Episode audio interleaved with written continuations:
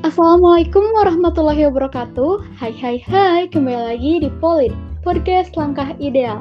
Apa kabar sahabat Polit? Semoga selalu dalam keadaan sehat dan semangat terus ya dalam menjalani segala kegiatannya. Sekarang Polit udah sampai di episode 7, keren banget gak sih? Tepuk tangan dulu dong. Dan buat sahabat Polit yang udah dengerin Polit di episode sebelumnya, pastinya udah gak asing dong dengan suara aku. Yap, sebener banget. Aku Rahma Puspa Permatasari dari kelas 2C D3 Teknik Kimia yang akan nemenin sahabat Polit di episode 7 kali ini. Nah, pastinya sahabat Polit udah tahu dong apa itu PKM. Nah, tahu gak sih dari 62 judul PKM yang lolos didanai, 26 di antaranya merupakan judul yang diajukan dari jurusan teknik kimia. Keren banget gak sih? Nah, maka dari itu, Polid akan bawain judul Kiat-Kiat Lolos Pendanaan PKM. Wah, dari judulnya aja udah bikin gak sabar banget gak sih? Karena pembahasannya akan seru dan bermanfaat banget buat sahabat Polid. Nah, cus kita langsung aja kenalan sama narasumber kece kita. Cek-cek, boleh dong perkenalkan diri terlebih dahulu nih, ada siapa aja? Halo teman-teman semuanya, kenalin aku Zidni Zakia Ahmad dari kelas 3A di 3 Teknik Kimia. Oke, salam kenal Teh Zidni. Oke, selanjutnya ada siapa nih? Ada Teteh siapa nih? Halo halo semuanya, kenalin aku Nurul Febrianti, biasa dipanggil Uyuy dari kelas 3 TKPB. Oke, halo Teh Uyuy, salam kenal. Oke, mungkin uh, aku mau nanya kabarnya nih, gimana nih kabar dari teteh-teteh dan gimana gitu perasaannya bisa diundang ke Polit gitu hari ini? Boleh mungkin dijawab sama Teh Zidni terlebih dahulu. Oke, alhamdulillah baik Rahma. Dan aku harap semua teman-teman yang dengar di sini juga sehat-sehat selalu gitu ya. Untuk perasaannya awalnya kaget sih karena aku ngerasa bukan orang yang benar-benar expert dalam hal ini, tapi aku bersyukur karena dapat kesempatan dan dipercaya juga buat misi poin kali ini. Dan tentunya aku senang ya karena mudah-mudahan apa yang kita share sekarang bisa bermanfaat bagi teman-teman yang dengar. Amin, amin, amin. Uh, Alhamdulillah gitu ya kita juga bisa uh, berbincang dengan Teh Zini dan bisa mendengarkan uh, nanti gitu ya ilmu-ilmu dari yang Teh Zini sampaikan dan semoga dari sahabat poli semuanya dapat mengimplementasikannya nanti. Oke, mungkin sekarang lanjut ke Teh Uyu ini, ke Teh Nurul. Gimana nih Teh kabarnya uh, dan gimana gitu perasaannya bisa diundang ke poli hari ini? Oke, kabar baik ya. Dan semoga semuanya juga uh, baik-baik gitu ya di rumah atau di kosan masing-masing buat teman-teman yang dengar. Gak jauh beda gitu ya kesan aku tiba-tiba dihubungi untuk ikut uh, polit sama gitu ya di awal kaget juga. Terus uh, tapi di satu sisi juga senang gitu karena dipercaya sama teman-teman dan excited juga gitu ya buat sharing-sharing pengalaman aku di PKM. Oke, berarti kita juga berterima kasih gitu ya dan senang banget juga bisa uh, ngundang nih Teh Nurul sama Teh Zini yang bakal uh, memberikan pengalamannya di uh, bidang PKM. Oke, mungkin uh, boleh diceritain dulu gak sih Teh PKM itu apa? Barangkali dari pendengar setiap polit masih ada yang belum tahu mengenai PKM itu apa. Boleh mungkin dijawab sama Teh Nurul. Oke, seperti namanya gitu ya, PKM di sini itu uh, Pekan Kreativitas Mahasiswa.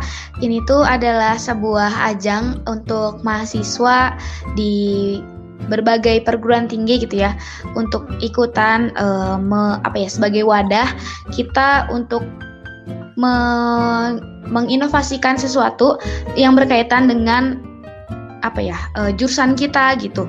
Jadi uh, kita tuh bakalan ngasih sebuah proposal yang isinya itu inovasi-inovasi kita terkait uh, solusi dari masalah-masalah yang ada di sekitar. Gitu dari aku. Oke, mungkin uh, yang bisa aku tangkap gitu jadi PKM ini pekan kreativitas mahasiswa ini menjadi wadah gitu ya untuk mahasiswa Polban dan mahasiswa di Indonesia tentunya kan sebagai menginovasikan dari jurusan-jurusan yang kita punya uh, terus nanti bikin proposal yang bakal diajuin gitu dan mencari solusi juga dari permasalahan-permasalahan yang ada gitu ya Teh.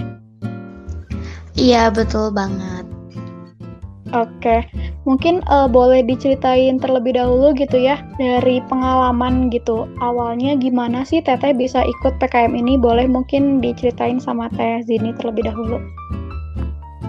Oke, kalau dari aku sendiri, aku mulai ikut PKM tuh di tingkat satu dan itu diajakin sama kakak tingkat gitu. Waktu itu angkatan 18 dan kebetulan itu ngelanjutin TA-nya mereka. Dan waktu itu kondisinya masih online dan aku bersyukur banget gitu. Karena pada saat itu teman-teman aku semua cuma bisa belajar secara daring tapi aku bisa berkesempatan masuk lab. Aku bisa berkesempatan buat lihat alat-alat yang mungkin teman-teman yang lain tuh nggak bisa gitu pada saat itu.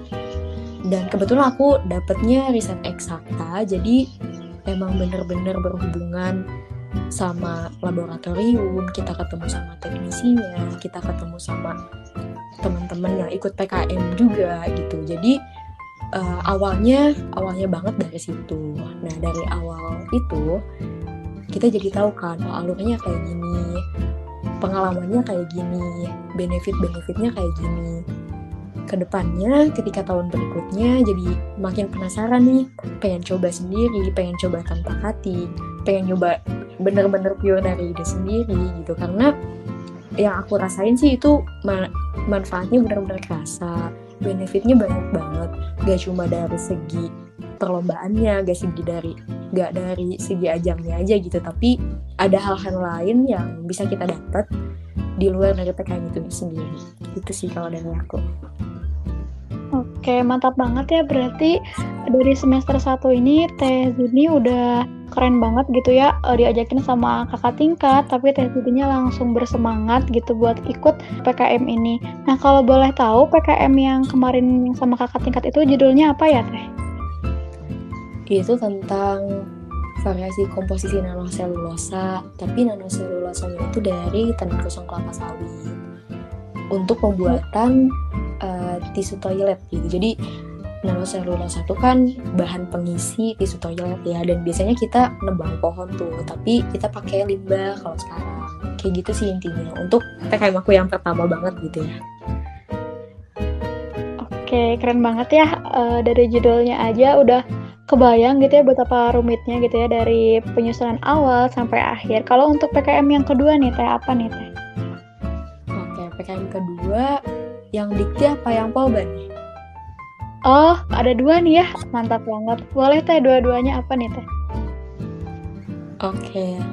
Mungkin kalau misalnya di dari awal gitu ya, aku cerita. Tadi yang pertama tuh di T itu tentang RE. Tapi pas tahun pertama aku ikut juga PKM artikel ilmiah dan itu kebetulan diajak juga sama Kati. Dan karena persyaratannya itu harus lintas jurusan ya, makanya mereka ajakin aku dan mereka tuh dari jurusan AN.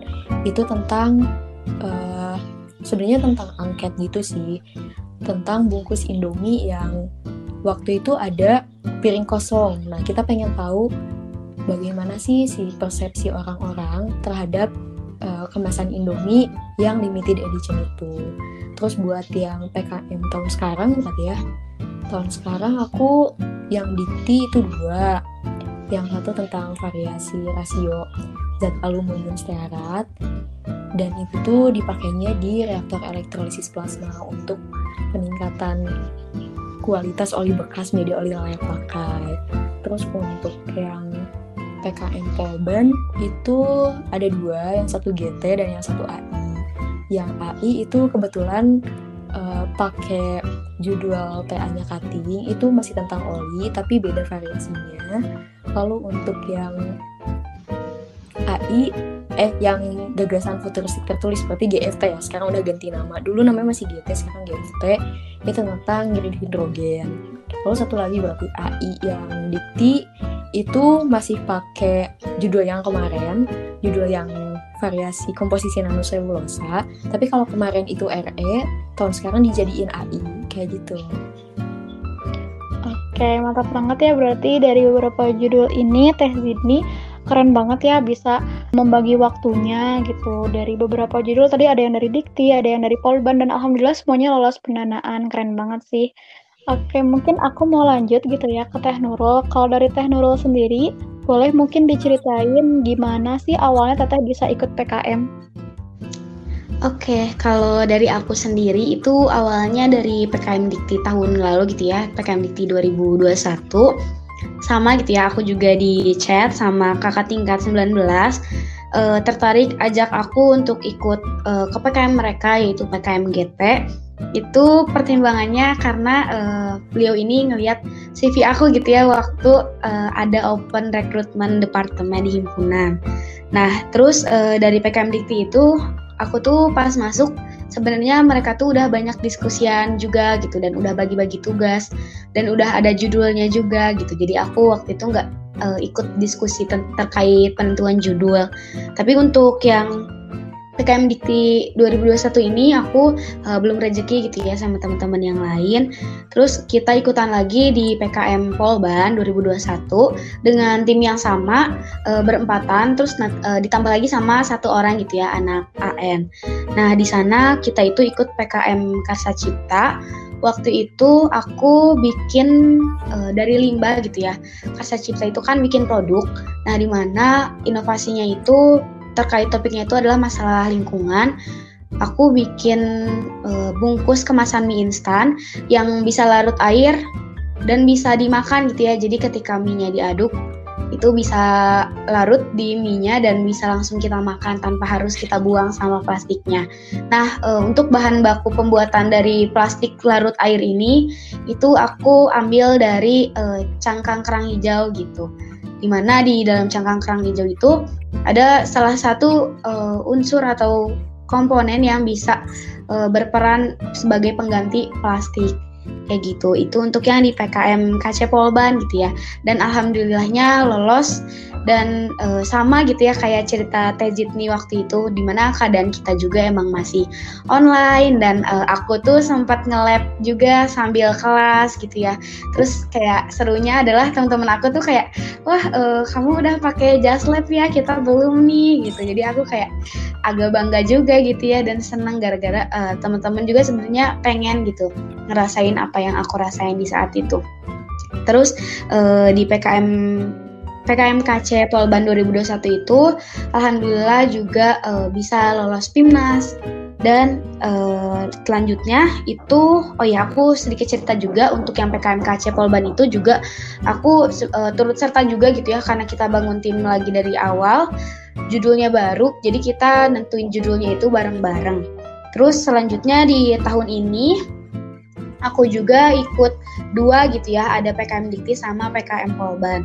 Nah, untuk PKM Dikti, alhamdulillah aku juga sebagai ketuanya dan sekarang hampir selesai gitu ya. Nanti di tanggal 28 September udah harus submit uh, laporan akhir gitu. Nah, itu tuh kita sama gitu ya, riset eksakta tadi sama kayak Tezitni kalau aku itu bikin uh, bioetanol dari limbah juga gitu.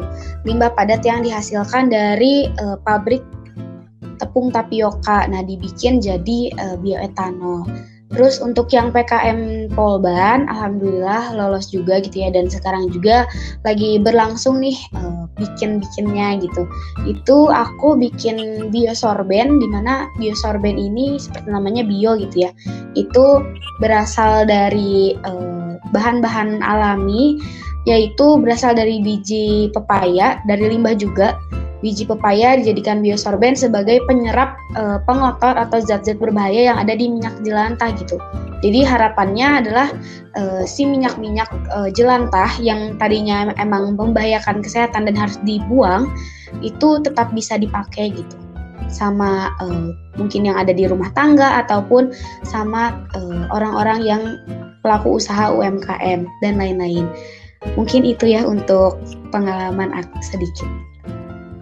Waduh, oke. Berarti mantap banget ya kalau ini bukan sedikit sih. Kayaknya banyak banget dari tahun 20, 21, 22 semuanya Teh Nurul gitu ya berkesempatan untuk bisa mengikuti PKM dan benar-benar judulnya juga sangat bermanfaat gitu ya untuk uh, lingkungan sekitar dan masyarakat sekitar. Nah, tadi sedikit disinggung gitu ya terkait PKM Dikti sama PKM Polban. Nah, kalau dari PKM Dikti sama Polban itu ada bedanya nggak sih Teh atau bagaimana nih? Boleh mungkin dijawab oleh Teh Nurul. Oke, kalau dari segi tahapan ya, itu dari segi tahapan dan aturan itu sama aja gitu ya. Di mana kalau untuk tahapan sendiri itu kan mulai dari daftar pengusul gitu ya. Kita cantumin nama ketua, nama anggota, nama dosen pembimbing, judulnya gitu. Terus kita sambil nyusun proposal gitu ya. Sambil nyusun proposal, nanti proposalnya diupload, ada nanti pengumuman pendanaan. Terus nanti kita juga sambil isi logbook gitu ya sebagai catatan harian kita. Setiap harinya kita progresnya udah sampai mana sih dan biaya yang udah dikeluarin itu seberapa banyak Kemudian dilanjut juga ada penguploadan laporan kemajuan dan kalau aku ya karena aku ikutnya itu di riset eksakta yang tahun ini itu penguploadan uh, draft artikel ilmiah itu sebagai luaran salah satu luarannya. Nah setelah itu ada kita tuh ada presentasi laporan kemajuan. Nanti kita uh, mempresentasikan kita tuh progresnya sudah sejauh mana dan hasilnya tuh seperti apa. Dan uh, yang terakhir tuh ada penguploadan laporan akhir dan uh, artikel ilmiah yang udah difiksasi gitu. Dan kalau masih rezeki lagi, nanti tahap selanjutnya itu akan bermuara di uh, PIMNAS gitu ya, Pekan Ilmiah Mahasiswa Nasional. Nah, untuk uh, segi yang lainnya, tadi udah sempat aku singgung dari buku panduan itu sama aja, karena uh, dari PKM Polban sendiri itu basicnya akan dilaksanakan setelah PKM Dikti gitu. Nah, ketika PKM Dikti terlaksana kemudian PKM Polban, nah PKM Polban itu mengikuti buku panduan yang udah dikasih sama PKM Dikti supaya nggak beda-beda gitu ya. Nanti nanti di tahun-tahun sebelumnya takutnya bingung mau ngikutin yang mana, terus bagusnya gimana. Jadi sama. Nah, perbedaannya itu mungkin lebih ke segi waktunya gitu. Mungkin dari PKM Dikti juga kan udah lebih dulu dan e, rentang waktu pelaksananya itu lebih lama. Sementara PKM Polban itu e, baru baru-baru ini gitu ya terlaksananya. Terus juga dari segi tempat penguploadan laporan-laporan, logbook gitu. Itu juga beda kalau untuk PKM Dikti itu ada di e, website Simbel Mawa, sementara di PKM Polban itu ada di website kemahasiswaan. Kalau dari segi juga teman-teman tahu gitu ya. Kalau dikti itu kan nasional jadi untuk reviewer atau jurinya itu juga uh, senasional gitu ya. Sementara untuk PKM Polban itu dari dosen-dosen di Polban itu sendiri. Gitu dari aku Oke, mungkin berarti kalau untuk tahapannya sama aja gitu ya, karena dari Polban juga mengikuti dari uh, Dikti, namun mungkin untuk waktunya gitu ya, Dikti terlebih dahulu dan rentang waktunya juga lebih lama Dikti gitu ya dibanding Polban. Oke, tadi juga sedikit disinggung mungkin teh uh, mengenai PIMNAS. Nah, mungkin dari pendengar setiap polit juga kepo gitu ya, apa itu PIMNAS gitu. Boleh mungkin teh sedikit diceritain lagi mengenai PIMNAS itu apa? Oke, tadi uh, sempat ya PIMNAS. Nah, sebenarnya PIMNAS ini adalah goals dari PKM itu sendiri gitu ya. Dan ini bakalan ada dua istilah untuk PKM di Polban itu nanti namanya PIM Polban dan PKM Dikti atau kita sebut juga PKM Belmawa itu adalah PIMNAS. Nah, PIMNAS ini uh, hari di mana uh, mahasiswa-mahasiswa dengan judul terpilih setelah melewati berbagai uh, seleksi ya, seleksi pendanaan, kemudian juga sampai ke laporan akhir nanti mahasiswa-mahasiswa atau timnya itu diseleksi untuk mengikuti PIMNAS. Nah, PIMNAS sendiri seperti namanya Pekan Ilmiah Mahasiswa. Di sana eh, para mahasiswa atau tim yang terpilih dengan judulnya itu mempresentasikan kembali eh, apa yang telah mereka inovasikan dan hasilnya itu seperti apa. Jadi teman-teman itu bisa lihat di YouTube gitu ya untuk yang PIMNAS bisa dilihat di YouTube dan itu tuh banyak banget. Jadi kita tuh bisa nonton secara live inovasi-inovasi dari mereka mulai dari uh, pemilihan bahan bakunya kemudian sampai ter, uh, menjadi hasil gitu. Dan di uh, PKM Polban juga sama itu tuh berupa presentasi juga berupa presentasi uh, mengenai perjalanan kita gitu ya khas dengan progres 100%, hasil baik buruknya itu kayak gimana. Nah, itu ada di PIMNAS dan tentunya teman teman-teman yang masuk PIMNAS itu nggak terlalu banyak tapi juga nggak sedikit banget. Jadi masih ada peluang gitu ya. Di mana nanti setelah PIMNAS kita presentasi, kemudian nanti uh, ditanya-tanya juga gitu ya, diulik juga gitu. Mungkin ada hal-hal yang emang belum terjabarkan gitu sama tim tersebut. Ada reviewernya juga yang akan apa ya nanya lebih lanjut. Nah kemudian nanti uh, Pimnas sendiri juga ada juara-juaranya gitu.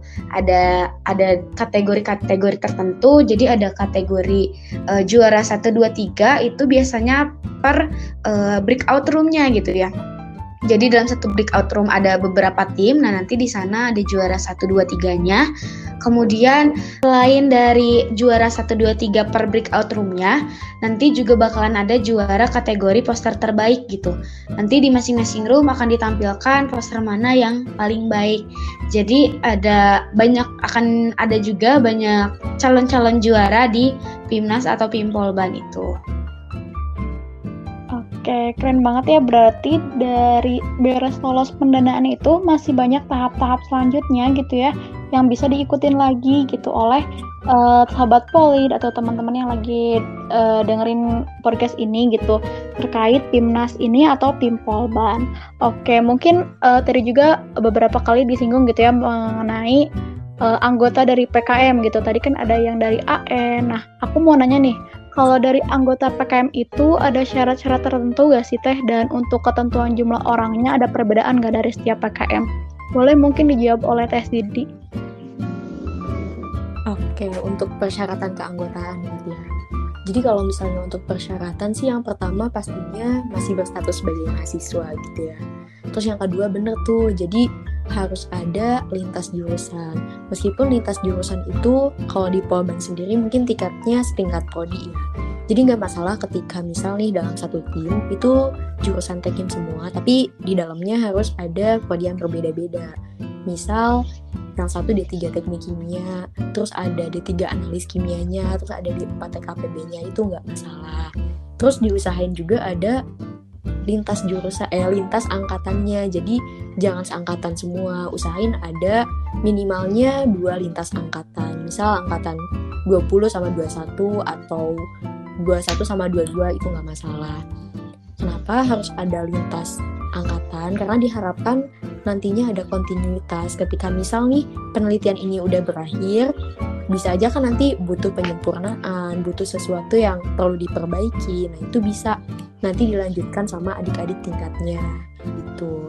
Terus uh, terkait yang lintas jurusan juga sebenarnya itu diharapkannya ada kolaborasi gitu ya.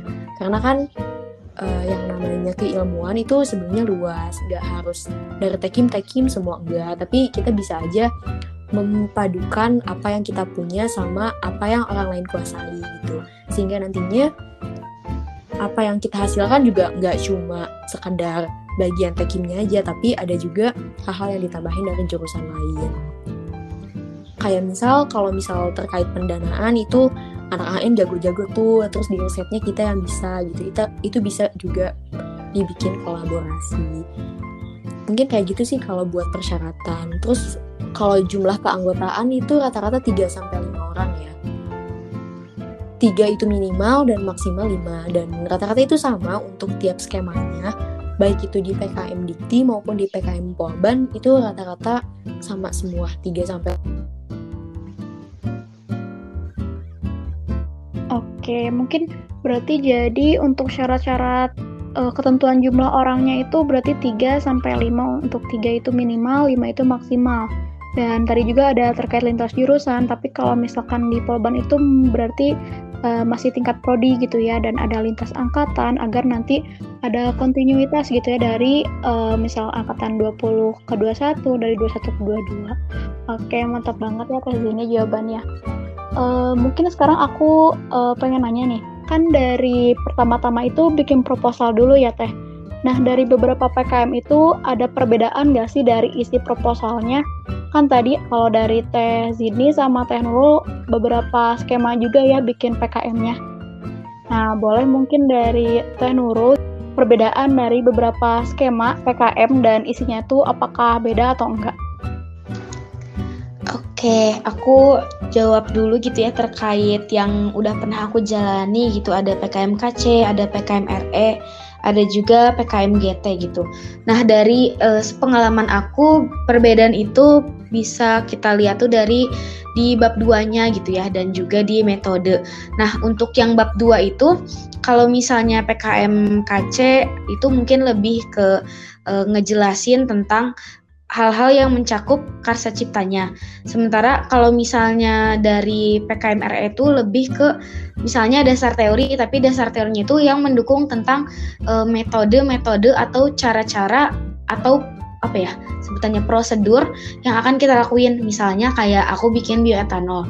Nah nanti di dasar teori itu harus ada uh, kayak deskripsi dari prosedur kitanya gitu. Misalnya kayak uh, bioetanol itu kan dari tahap hidrolisis dulu. Nah, kita tuh harus tulis gitu ya. Hidrolisis itu apa dan uh, hal-hal yang mempengaruhi hidrolisis itu apa aja.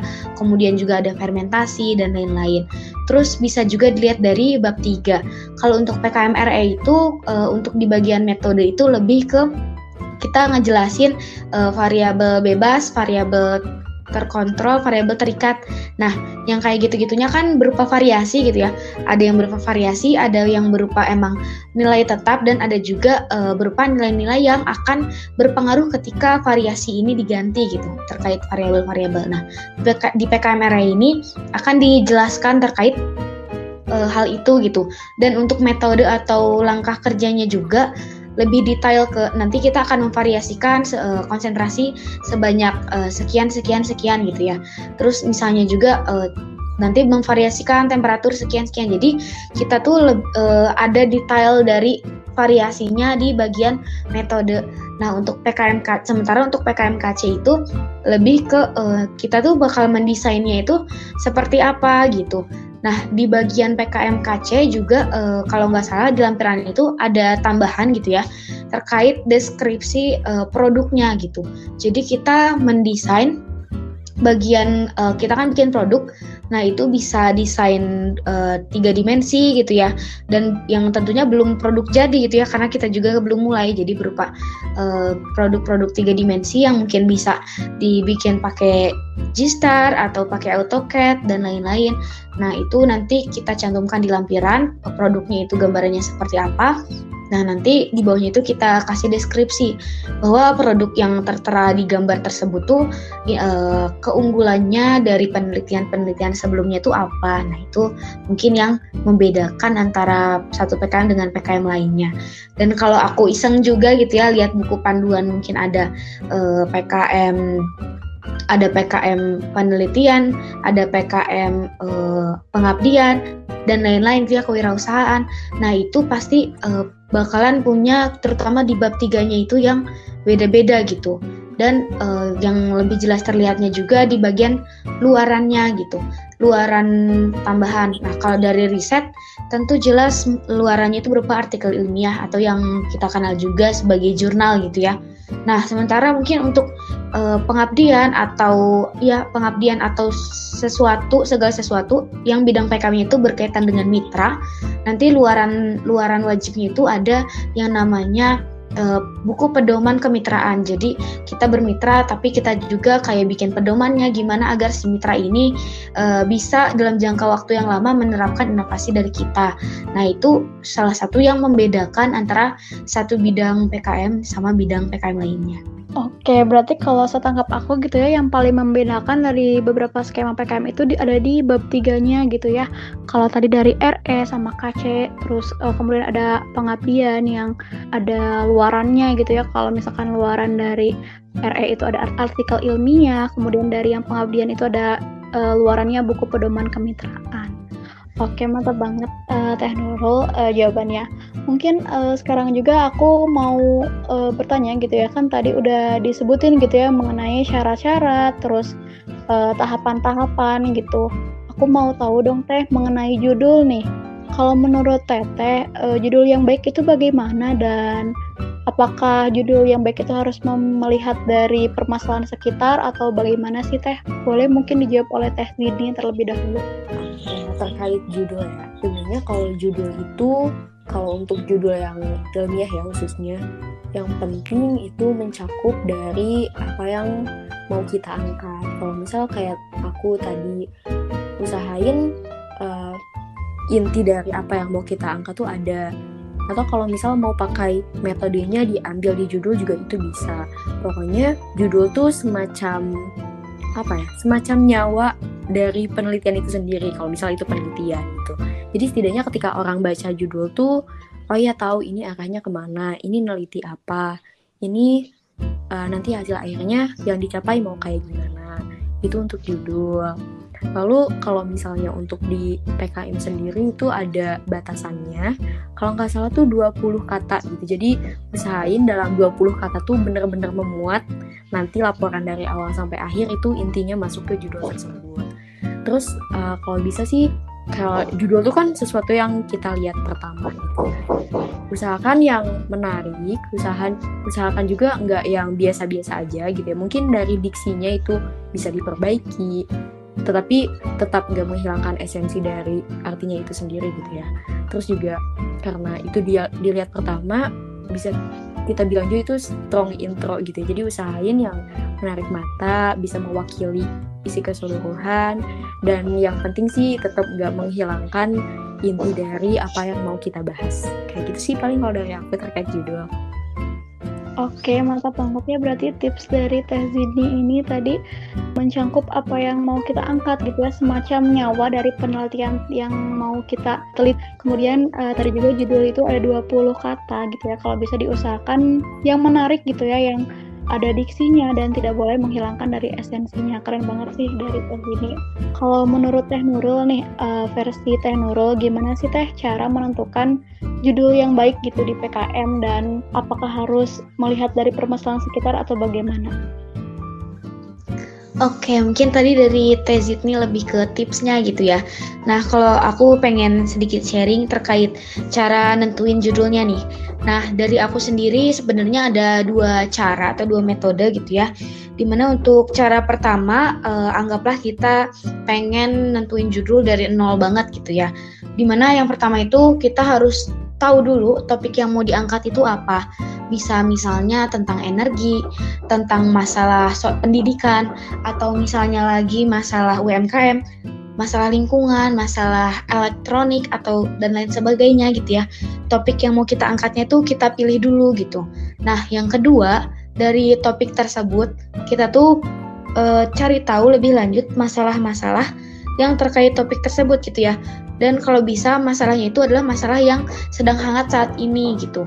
Jadi jangan uh, kalian tuh mencari masalah tapi masalahnya tuh sebenarnya udah dari beberapa tahun yang lalu gitu ya. Misalnya kalian baca artikel atau kalian baca jurnal.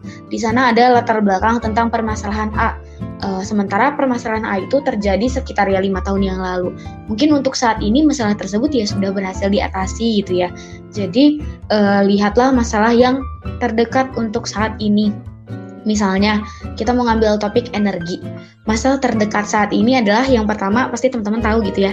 Energi eh, sekarang tuh yang utama adalah bahan bakar minyak. Itu mahal, terus langka, terus emisinya tinggi. Nah, itu kan masalah-masalah terkininya gitu. Nah, jadi teman-teman bisa search dulu artikel-artikel atau ya artikel dari sumber terpercaya, bisa dari jurnal dan lain-lain atau dari uh, website pemerintah, problem kita saat ini tuh apa sih gitu. Nah, setelah teman-teman tahu masalahnya, teman-teman bisa cari solusi. Kalau teman-teman saat itu langsung kepikiran gitu ya terkait solusi, solusinya itu bagus. Tapi kalau teman-teman bingung, teman-teman juga bisa cari gitu ya. Mungkin ada dari skripsi, dari tesis atau dari jurnal-jurnal. Sekiranya untuk masalah yang sama gitu ya, biasanya peneliti-peneliti terdahulu tuh nyari solusinya kayak gimana sih? Biasanya solusi yang ditawarkan tuh berupa apa? Nah, teman-teman juga bisa sambil cari-cari tahu gitu ya. Nah, sedikit tips dari aku untuk solusi. Kalau bisa uh, jangan mengangkat satu masalah dengan satu solusi gitu. Tapi uh, teman-teman bisa kayak berbagai masalah bisa dipecahkan dalam satu solusi yang kalian tawarkan di uh, judul PKM ini gitu misalnya kayak tadi ya terkait BBM mahal terkait uh, langka terus juga terkait emisi itu kan ada beberapa permasalahan gitu ya tapi misalnya teman-teman punya satu solusi yang sama di mana solusi yang teman-teman tawarkan itu bisa uh, menghasilkan uh, bahan bakar baru yang uh, jumlahnya itu melimpah harganya itu murah dan emisinya itu rendah. Nah, itu kan lebih baik gitu ya. Semakin lengkap, semakin baik untuk uh, solusi yang kalian tawarkan. Itu kalau misalnya kalian uh, apa memilih atau menentukan judul dari nol. Tapi kalau misalnya emang apa ya, kalian tuh merasa oh aku masih belum terlalu berpengalaman untuk menentukan judul dari nol, bingung juga atau lagi ternyata deadline dari pro atau pengajuan pengusulnya itu uh, sebentar lagi deadline gitu ya. Nah, teman-teman bisa pakai metode kedua yaitu uh, cara ATM, amati, tiru, modifikasi. Nah, seperti yang kita tahu gitu ya, bahwa sebuah inovasi itu nggak harus dan harusnya gitu ya nggak boleh berhenti di situ aja gitu. Tapi langkah lebih baiknya kalau ada pengembangan. Jadi it's okay buat teman-teman nerapin prinsip ATM gitu. Dan itu menurut aku ketika eksekusinya benar nggak akan mengurangi uh, segi kreativitas kalian gitu. Dari ATM sendiri kalian bisa cari gitu ya judul-judul PKM yang mungkin kalian tertarik, teman-teman bisa buka misalnya website Simbel Mawa. Di sana kan ada biasanya ada pengumuman peserta lolos pendanaan. Di sana ada judulnya atau misalnya uh, peserta lolos PUNAS ada judulnya juga gitu ya. Atau uh, bisa juga tanya ke uh, kalau misalnya PKM Polban pengen nanya ke kakak tingkat yang udah pernah lolos sampai PINAS waktu itu judulnya apa gitu ya. Nah, kalau teman-teman udah punya beberapa list judul yang teman-teman tertarik, kalian bisa juga uh, menginovasikan lebih lanjut gitu ya. Di mana uh, inovasi dari kalian sendiri itu harus lebih apa ya lebih bisa menjadi solusi dibandingkan uh, inovasi dari penelitian-penelitian sebelumnya.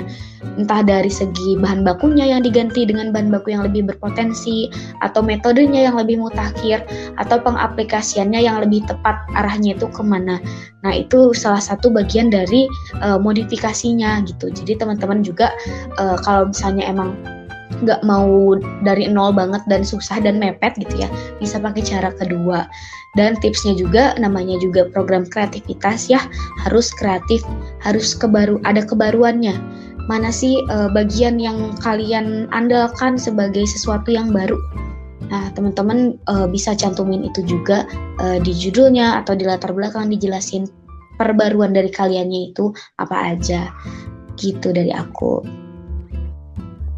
Oke, mantap banget ya. Tadi dari ada beberapa cara gitu ya dari Teh Nurul mengenai cara menentukan judul yang baik itu bagaimana. Terus yang pertama itu kita harus tahu topik yang mau kita angkat itu seperti apa. Terus yang kedua cari tahu lebih lanjut mengenai masalah-masalah terkait topik tersebut dan pastinya harus yang ah lagi diperbincangkan atau lagi hangat gitu ya. Kemudian mencari solusinya, kemudian ada tadi juga terkait ATM gitu amati tiru dan modifikasi. Keren banget ya. Makasih banyak Teh Nurul mengenai tips-tipsnya. Oke kemudian uh, aku mau nanya nih. Kan dari pengalaman Teteh sendiri banyak gitu ya tahapan dari alur PKM ini. Nah, menurut Teteh gitu ya, apa yang paling susah dan bagaimana cara Teteh mengatasi dari permasalahan tersebut? Boleh mungkin dijawab sama Teh Zidni. Oke, sebenarnya kalau dari segi tahapan gitu ya itu tiap alur punya challenge-nya tersendiri gitu. Tapi bagi aku pribadi bagian paling challenging itu saat pematangan konsep di proposal. Dan mungkin saat pelaksanaannya juga gitu. Nah terkait proposal kalau misalnya proposalnya udah matang otomatis kan ke depannya nggak bakal bingung gitu. Kita tahu apa aja yang bakal kita lakuin ke depannya. Tapi kalau misalnya dari konsepnya aja kita masih asal-asalan, otomatis ke depannya bakal bingung dong nanti ke depannya mau gimana. Nah jadi bagi aku itu cukup menantang karena di proposal tuh istilahnya kayak bener-bener awal kayak bener-bener apa ya istilahnya tanggung jawab kita gitu bisa nggak sih kita bikin proposal dan itu tuh nanti dipertanggungjawabkan sampai akhir sampai laporan akhir gitu jadi kalau bagi aku proposal itu semacam tanggung jawab gitu. Jadi sama kita pun harus benar-benar kuasai harus benar-benar kita matang matengin konsepnya gitu. Terus kan kalau misalnya di proposal tuh emang benar-benar kita di awal gitu ya kita juga masih meraba-raba ini masalahnya apa sih? Solusi yang mau kita angkat apa sih? Metodenya mau kayak gimana? Apakah punya peluang buat berhasil atau enggak? Apakah hipotesis kita bakal benar atau enggak? Dan untuk bikin hipotesis tuh butuh berapa jurnal, butuh beberapa ilmu, butuh beberapa referensi gitu dan nggak bisa kita seenaknya gitu. Ah kayaknya ini mah kayak gini gitu. Ini kayaknya kayak gini kan nggak bisa ya. Perlu uh, baca-baca dulu sebelumnya dan menurut aku itu cukup uh, bukan susah ya tapi cukup menantang gitu. Terus juga saat pelaksanaan. Kenapa aku bilang saat pelaksanaan? Karena waktu yang disediakan untuk praktikum itu untuk PKM Dikti ya mungkin ada waktunya yang pas kita liburan gitu. Jadi bisa tuh semuanya datang gitu. Tapi ketika pas PKM Polban itu rata-rata waktunya pas kita udah kuliah. Kadang-kadang PKM Dikti juga setengahnya itu lagi libur dan setengahnya itu pas udah kuliah. Dan kebetulan pas kuliah itu kadang labnya udah nggak bisa dipakai sama kita. Atau mungkin bisa dipakai tapi cuma beberapa hari. Dan kebetulan waktu itu pas aku cuma kebagian satu hari. Dan itu di hari Jumat aja.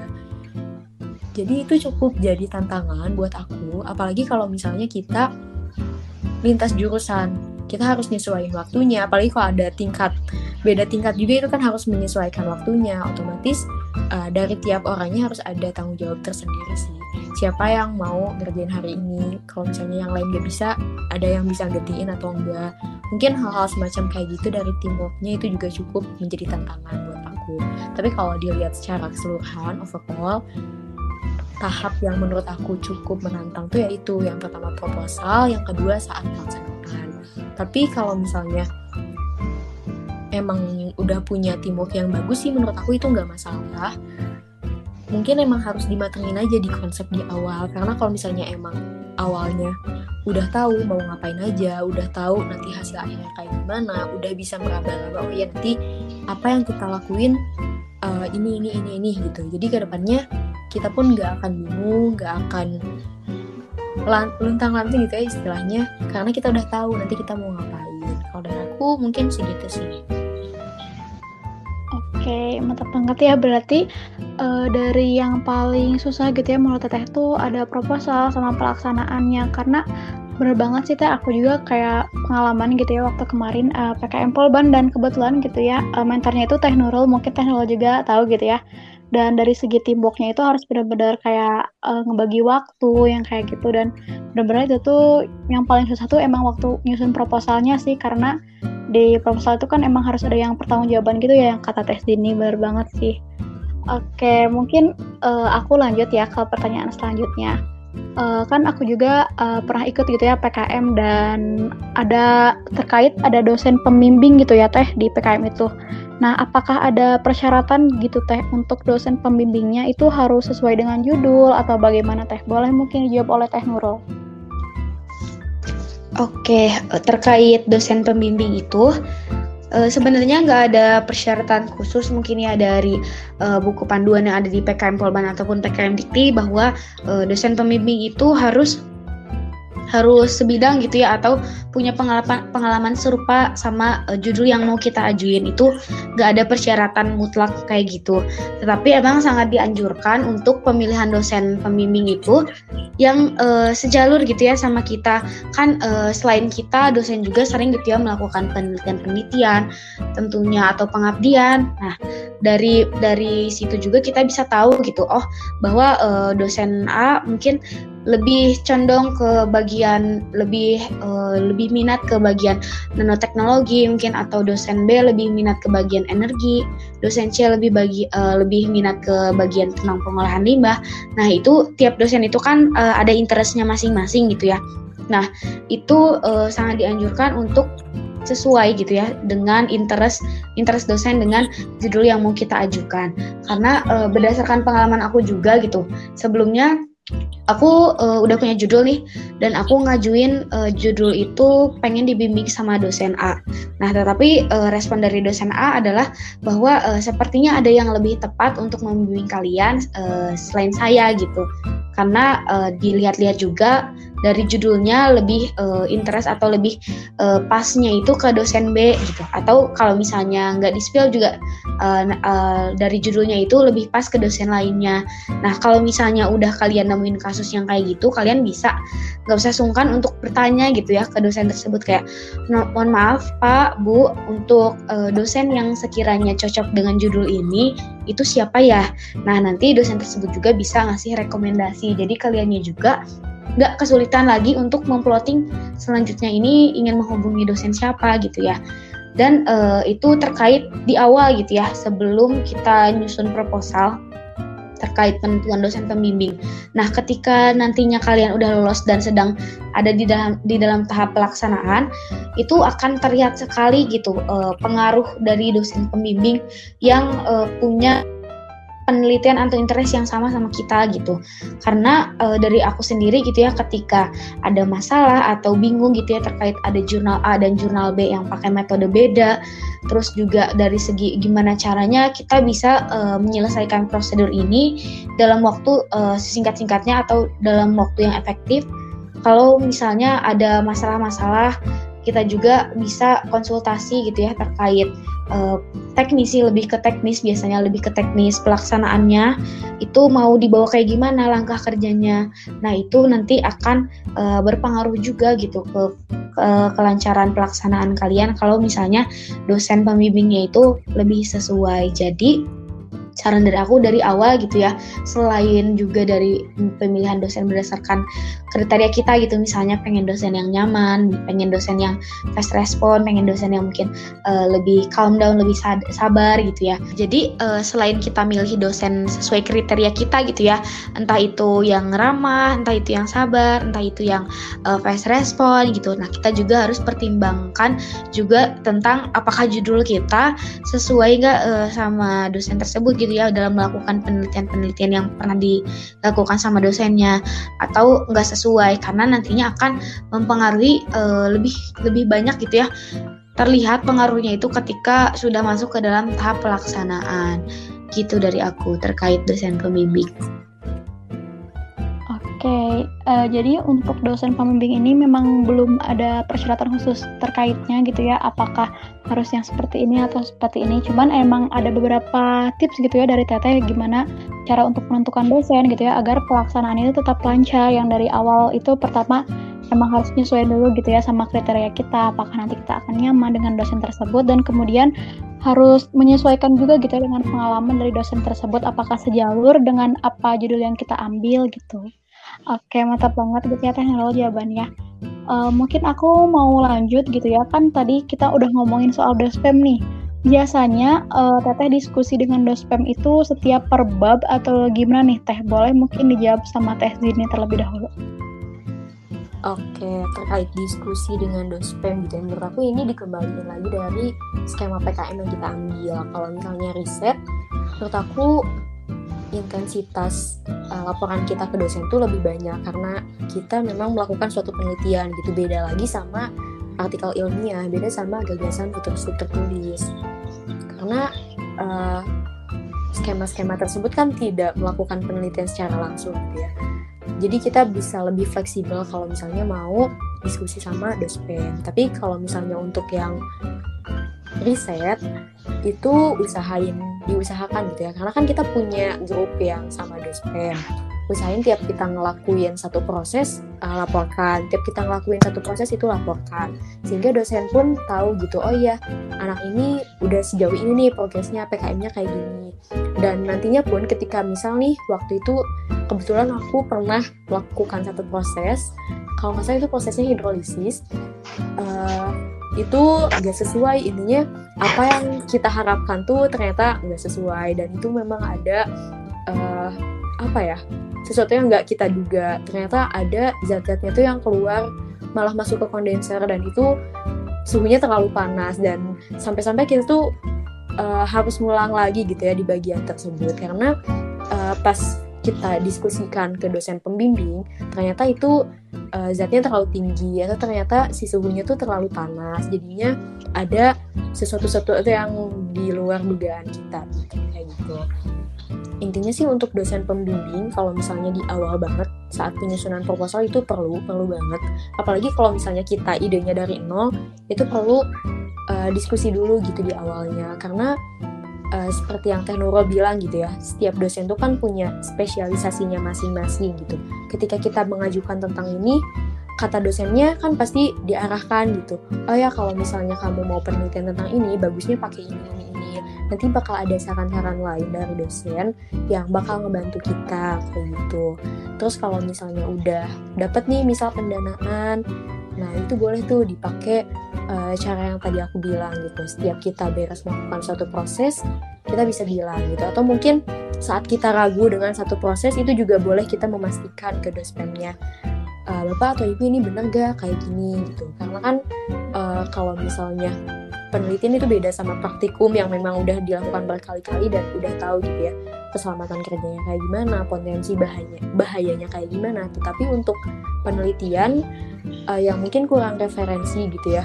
Kayak misal uh, proses ini jarang nih yang melakukan dan karena tadi ya sifatnya PKM itu kan ada keterbaruan gitu. Jadi nggak semua hal yang bakal kita lakuin tuh ada sebelumnya. Jadi kita perlu yang namanya diskusi sama dosen pembimbing. Apa pun yang kita lakuin usahakan dosen pembimbing tahu gitu ya apa yang bakal kita lakuin. Karena kita juga nggak tahu uh, bahaya apa gitu ya yang bakal terjadi ke depannya. Bisa aja kan kayak aku tadi gitu prosesnya nggak sesuai sama apa yang kita harapkan. Jadi usahakan sih uh, kalau misalnya mau per bab juga itu boleh tetapi uh, kalau menurut aku sih kalau RE ya khususnya itu diusahakan lebih ke saat kita melakukan pelaksanaannya. Terus untuk skema-skema yang lain itu bisa per bab. Terus kadang kadang-kadang dari dosennya sendiri sih yang itu yang menentukan. Misal nih saat pembuatan proposal bapaknya minta uh, nanti kalau misalnya udah selesai sampai bab segini kirimkan dulu ya ke saya. Ada yang kayak gitu tapi ada juga yang uh, pengen hasil akhir. So kamu bikin dulu proposalnya sampai akhir nanti di akhir saya review. Ada juga yang kayak gitu. Jadi kalau misalnya di proposal untuk skema-skema kayak AI pokoknya selain RE mungkin ya itu bisa uh, dikembaliin lagi ke dosennya atau bisa juga uh, kita yang nentuin di awal gitu. Tergantung dari dosen pembimbing itu sendiri. Terus kalau misalnya skema AI, GT dan lain sebagainya itu khususnya yang nggak melakukan penelitian ya itu bisa uh, secara berkala aja gitu. Misal ketika dosen nanyain itu bisa kita kasih. Tetapi kalau misalnya dosennya gak nanyain duluan kita bisa inisiatif diskusi gitu ke dosen ini kira-kira udah sesuai atau belum? Ini kira-kira uh, udah memenuhi atau belum? Itu bisa ditanyain ke dosennya. Jadi kalau menurut aku nggak ada patokan khusus itu dibalikin lagi ke skemanya masing-masing dan usahakan jangan sampai uh, lost kontak sih sama dosen meskipun dosen pembimbingnya nggak datang secara langsung tetapi usahakan ada interaksi meskipun itu cuma di grup WA kayak gitu sih kalau menurut aku. Oke, makasih banget ya Teh Sydney uh, tanggapannya. Berarti tadi itu emang uh, gak ada spesifiknya gitu ya, harus uh, bab satu dulu, terus bab dua. Mungkin emang kembali lagi ke kitanya gitu, dan kembali lagi ke dosennya. Mungkin ada beberapa dosen yang memiliki ketentuannya sendiri gitu, dan kemudian dari kitanya juga harus lebih inisiatif gitu ya untuk selalu melapor ke dosennya kalau kita udah melakukan pelaksanaan ini dan mungkin kalau misalkan kita ada kesulitan langsung koordinasi dengan dosen. Oke, kalau dari Teh Nurul nih Teh, gimana kalau misalkan Teh diskusi dengan dosen itu setiap per bab atau gimana Teh? Kalau dari aku sendiri itu uh, pertama kan dari judul gitu ya Nah, dari judul juga aku tuh udah langsung pengen diskusiin gitu. Apakah judul yang aku ambil itu benar-benar punya kebaruan, terus juga judul judul tersebut tuh emang bisa diaplikasikan gitu. Karena dikhawatirkan kita tuh pengen kreatif dan pengen punya kebaruan tertentu, tapi ternyata emang e, itu tuh belum pernah ada yang meneliti karena emang nggak bisa gitu ya. Kan itu kan ngeri gitu ya. Kita punya kebaruan, kemudian kalau sampai udah di tahap pendanaan ternyata pas pelaksanaan pelaksanaan itu gak bisa dilakuin atau metodenya itu kurang sesuai untuk uh, untuk apa ya untuk judul tersebut tuh jadinya kacau gitu ya. Nanti kita malah nggak bisa nggak bisa dilaksanain penelitiannya. Jadi aku tuh lebih ke konsul dulu apakah judul tersebut uh, sudah bagus ataukah ada kritikan atau saran dari dosen tersebut terkait judulnya atau gimana. Nah, dari pengalaman aku kemarin juga dalam menentukan judul itu, aku beberapa kali gitu ya e, mengganti judul walaupun gak ganti 100% tapi lebih ke ganti. Apakah ditambahin metode tertentu, apakah bahan bakunya yang diganti? Karena e, dosen tersebut gitu ya udah lebih punya pengalaman e, di bidang tersebut lebih tahu gitu ya apakah metodenya itu udah cukup baik, apakah bahan bakunya itu berpotensi atau enggak. Nah, itu dosennya juga udah tahu. Jadi lebih baik uh, ada konsultasi di awal. Terus terkait proposal, untuk aku sendiri biasanya itu diselesaikan dulu bab 1 sampai bab 3 gitu ya. Karena di bab 4 itu kan lebih terkait ke rencana kegiatan dan juga anggaran. Nah, jadi itu enggak terlalu apa ya, butuh perizinan atau butuh saran dari dosen pembimbing gitu. Jadi lebih ke bab 1 sampai bab 3-nya aja. Nanti setelah diserahkan, mungkin ada hal-hal tertentu, hal-hal penting yang kita tuh nggak malah nggak highlight di latar belakang misalnya, atau ada hal-hal penting yang hal-hal yang kurang penting yang itu tuh sebenarnya harusnya nggak perlu ditaruh di situ. Atau misalnya gagasan kita tuh uh, terlihat kurang pede atau terlihat terlalu pede juga, nah itu biasanya uh, dikonsultasikan juga gitu ya baiknya itu kayak gimana. Terus terkait pelaksanaan, biasanya aku dan teman-teman itu kita bikin timeline dulu gitu ya mau ngelaksanain apa. Dan biasanya juga sebelum hari H kita ke lab untuk ngelaksanain hal tersebut tuh kita pikirin dulu gitu. Nanti di sana kita ngapain aja pakai apa aja. Nah nanti setelah kita pikirin dulu rencananya jadi kita kepikiran itu ya. Oh tantangannya ketika aku ngelaksanain ini bisa jadi bakalan kayak gini kayak gini kayak gini. Jadi sekiranya bisa jadi ada bakalan ada kendala-kendala tertentu yang kita alamin gitu. Nah, jadi lebih baik dikonsultasiin aja langsung ke dosen pembimbing. Nah, kalau bisa konsultasinya itu enaknya offline itu ya, menemui ibu atau bapak dosen ke ruangannya gitu. Nanti kita, Pak, uh, Bu, ini kita punya rencana kayak gini untuk proses ini. Nah, tapi kita punya kendala di sini. Nah, dari ibu atau bapak mungkin ada masukan terkait ini seperti apa gitu. Nah, uh, contohnya gitu ya pas kemarin itu aku ada kendala di segi uh, inovasi alat karena aku juga salah satu apa salah satu luarannya itu ada ada produk berupa alat gitu ya alat destilasi. Nah di situ aku meragukan apakah uh, akan aman gitu ya ketika cara atau perangkaian alatnya tuh seperti ini gitu. Jadi dikonsultasikan, oh lebih baik uh, itu akan aman-aman aja. Cuma ternyata bukan amannya gitu ya yang di highlight tapi kayaknya tapi kurang efisien kalau bikin alatnya kayak gini. Mungkin bisa dicoba kayak gini kayak gini. Nah itu kan jadi oh iya ternyata ada yang lebih baik daripada rencana awal kita gitu. Atau misalnya dari segi waktu kan kita juga tahu gitu ya lab Sabtu Minggu tutup. Mungkin perbedaannya ada orang-orang tertentu yang mungkin urgent gitu ya teman-teman yang TA ataupun yang PKM yang emang bener uh, bisa bikin tambahan Nah, itu tuh bisa uh, nge-lab, tapi kalau yang nggak terlalu urgent kan nggak bisa gitu. Jadi kita konsultasiin gimana nih terkait waktu fermentasi, kita juga kebagian sampling di hari libur. Nah, ini gimana? Nah, jadi nanti kita dikasih saran gitu ya terkait oh ya lebih baik mulai mulai fermentasinya jangan di hari ini, tapi di hari ini aja.